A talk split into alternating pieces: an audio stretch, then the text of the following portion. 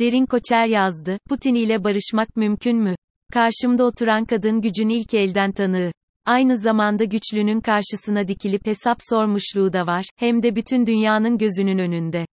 Amerikan savunma bürokrasisinin en kıdemli Rusya uzmanlarından Fiona Hill, Rusya Devlet Başkanı Vladimir Putin'in de eski ABD Başkanı Donald Trump'ın da öfkesini tatmış bir insan. İlkiyle aynı masada oturup Putin'in Ukrayna'dan ilhak etmeye çalıştığı toprakları savundu, ikincisinin aleyhine kongrede ifade verdi. Oysa Fiona, Kuzey İngiltere'de, maden işçisi bir aileye doğmuş o kız çocuğundan izleri taşıyor hala. Nefretini kazandığı insanlar gibi güçle sarhoş olmamış, tersine, kendi geçmişinden birinin güce böylesine yakın durmasının ne kadar istisnai bir durum olduğunu bildiği için tarihi bir sorumlulukla konuşuyor. London School of Economics'in düzenlediği bir söyleşideyiz. Her ne kadar Hill, anılarını yazdığı yeni kitabı There is Nothing for You Here'i tanıtmak için burada olsa da ister istemez kitaptan çok Putin'in Ukrayna'yı işgaline dair konuşuyor. Hoş, iki konu da ister istemez birbirini destekliyor. Hill, Amerikan savunma bürokrasisinin de yüksek konumu gereği devlet başkanlarının karar verme mekanizmalarına oldukça hakim. Putin ve yakın ekibiyle uzun saatler geçirmişliği var. Bu yüzden Rusya Devlet Başkanı'nın düşünce yapısını bir gözlemci sıfatıyla değil, bizzat tanık olarak anlamlandırabiliyor. Ve bu yüzden de uluslararası ilişkilerin kimi akademisyenlerin aksine sadece büyük trendlerin ve güç çatışmalarının bir parçası olarak algılamıyor. Elbette bu trendler, gittikçe güçlenen ya da güç kaybeden ülkeler, uluslararası alanda neler yaşandığını etkiliyor, diyor. Ama savaşı ilan edenin bir lider olduğunu da hiçbir zaman unutmamak lazım. Tam da bu yüzden savaşın bugünü kadar, yarınını konuşurken de o liderin zihnini anlamak gerekiyor. Zira işgalci Rusya'nın barışa yanaşıp yanaşmayacağı da onun ağzından çıkacak kelimelere bağlı. Putin barışmak istemedikçe ya da Rus ordusu sahada kaybetmedikçe, işgalin bitmesi için de bir yol yok. Savaşın bugünü kadar, yarınını konuşurken de o liderin zihnini anlamak gerekiyor. Putin barışmak istemedikçe ya da Rus ordusu sahada kaybetmedikçe, işgalin bitmesi için de bir yol yok. Putin için, iktidarda geçirdiği 22 yıl onu bir çar yaptı, diyor Hill. En azından kendi bilincinde öyle. Putin kendini tarihi bir anlatının parçası olarak görüyor, kitabında anlattığı, 2014'te Kırım'ın ilhakından sonra Moskova'da Putin'le yaptıkları bir toplantı, bunun ne demek olduğunun özeti gibi. Bütün dünyanın bir ucunda Fransa Cumhurbaşkanı Macron'un diğer ucunda Putin'in oturduğu masayla tanıdığı o meşhur odada yapılmış bir toplantı.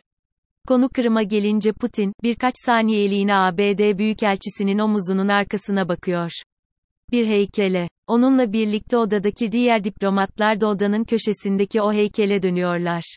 Karşılarında Kırım'ı Osmanlı'dan alan Rus çariçesi Büyük Katerina'nın heykeli çıkıyor. Odanın diğer köşesinde ise Putin'in geçtiğimiz günlerde kendini karşılaştırdığı Büyük Petro'nun heykeli var. Onun anlatısıyla 21 yıl boyunca sürdürdüğü bir savaşla Rusya'nın kaybettiği toprakları tekrardan imparatorluğa kazandırmış o tarihi hükümdarın heykeli.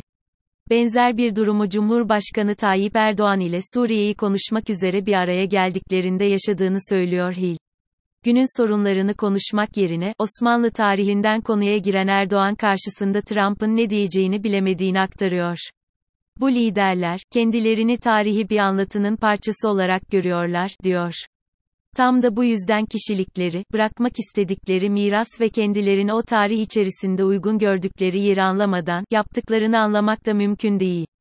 Dolayısıyla Putin için Ukrayna, hızlıca sonuca bağlanabilecek, kolayca geri adım atılabilecek bir savaşta değil. Tam da bu yüzden Henry Kissinger gibi düşünürlerin Rusya'ya kimi bölgelerde zafer vererek barışın sağlanabileceğine dair inançlarına şüpheli yaklaşmak gerekiyor. Barış istemeyen bir adamdan barış istemek pek gerçekçi durmuyor.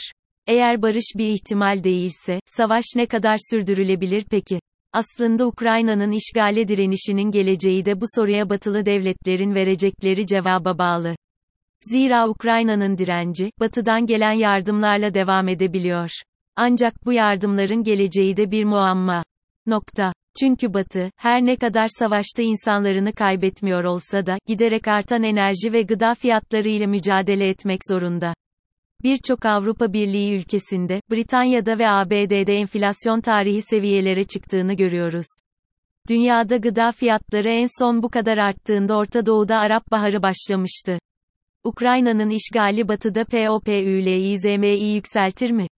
Geçtiğimiz haftalarda sohbet ettiğim akademisyen Doktor Adriye Fevro'da savaşın bu dolaylı sonuçlarının Avrupa'da kimi popülist hareketleri tekrardan popülerleştirebileceğini söylüyordu. Romanya Cumhurbaşkanlığının eski dış ilişkiler danışmanı Veronika Angel de benzer endişeleri paylaştığını anlatıyordu. Avrupa için Ukrayna'nın bir tampon bölgeye dönüşmeye razı olması, baş ağrısını azaltacak bir senaryodur. Dolayısıyla Avrupa'da kendi siyasi geleceklerini korumak isteyen hükümetler Ukrayna'yı barışa zorlamak isteyebilirler. Zira Batı ittifakı içinde de söylenenleri duymaya başladık. İtalya ve Macaristan hükümetleri açık açık Ukrayna'yı barışa zorlamak istediklerini açıkladı. Öte yandan Rusya ile sorunlu ilişkilere sahip olmanın anlamını bilen Doğu Avrupa ülkeleri de Avrupa'nın uzun vadede güvenliğini korumak ve Ukrayna'nın egemenliğini savunmak için bedel ödemesi gerektiğini söylüyor. Savaş uzadıkça ve küresel ekonomik dalgalanmalar sürdükçe, bu iki kamp Avrupalı devletlerin içinde de tartışmaya başlayacak.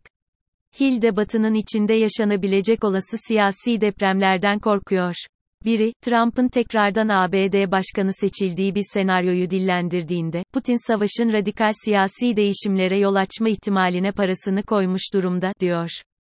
Ve bu ona büyük bir kazanç sağlayabilecek bir bahis olabilir. Fakat, savaşın bugüne kadar gösterdiği tek bir şey varsa, o da büyük güçlerin siyasi pozisyonları kadar, Ukrayna halkının direnme inadının da göz ardı edilmemesi gerektiği. Angel, tam da bu yüzden, Ukrayna'nın topraklarından vazgeçtiği herhangi bir barışın sürdürülebilir olmayacağını söylüyor. Çünkü insanlar direnmeye devam edecektir. Tıpkı bugüne kadar olduğu gibi.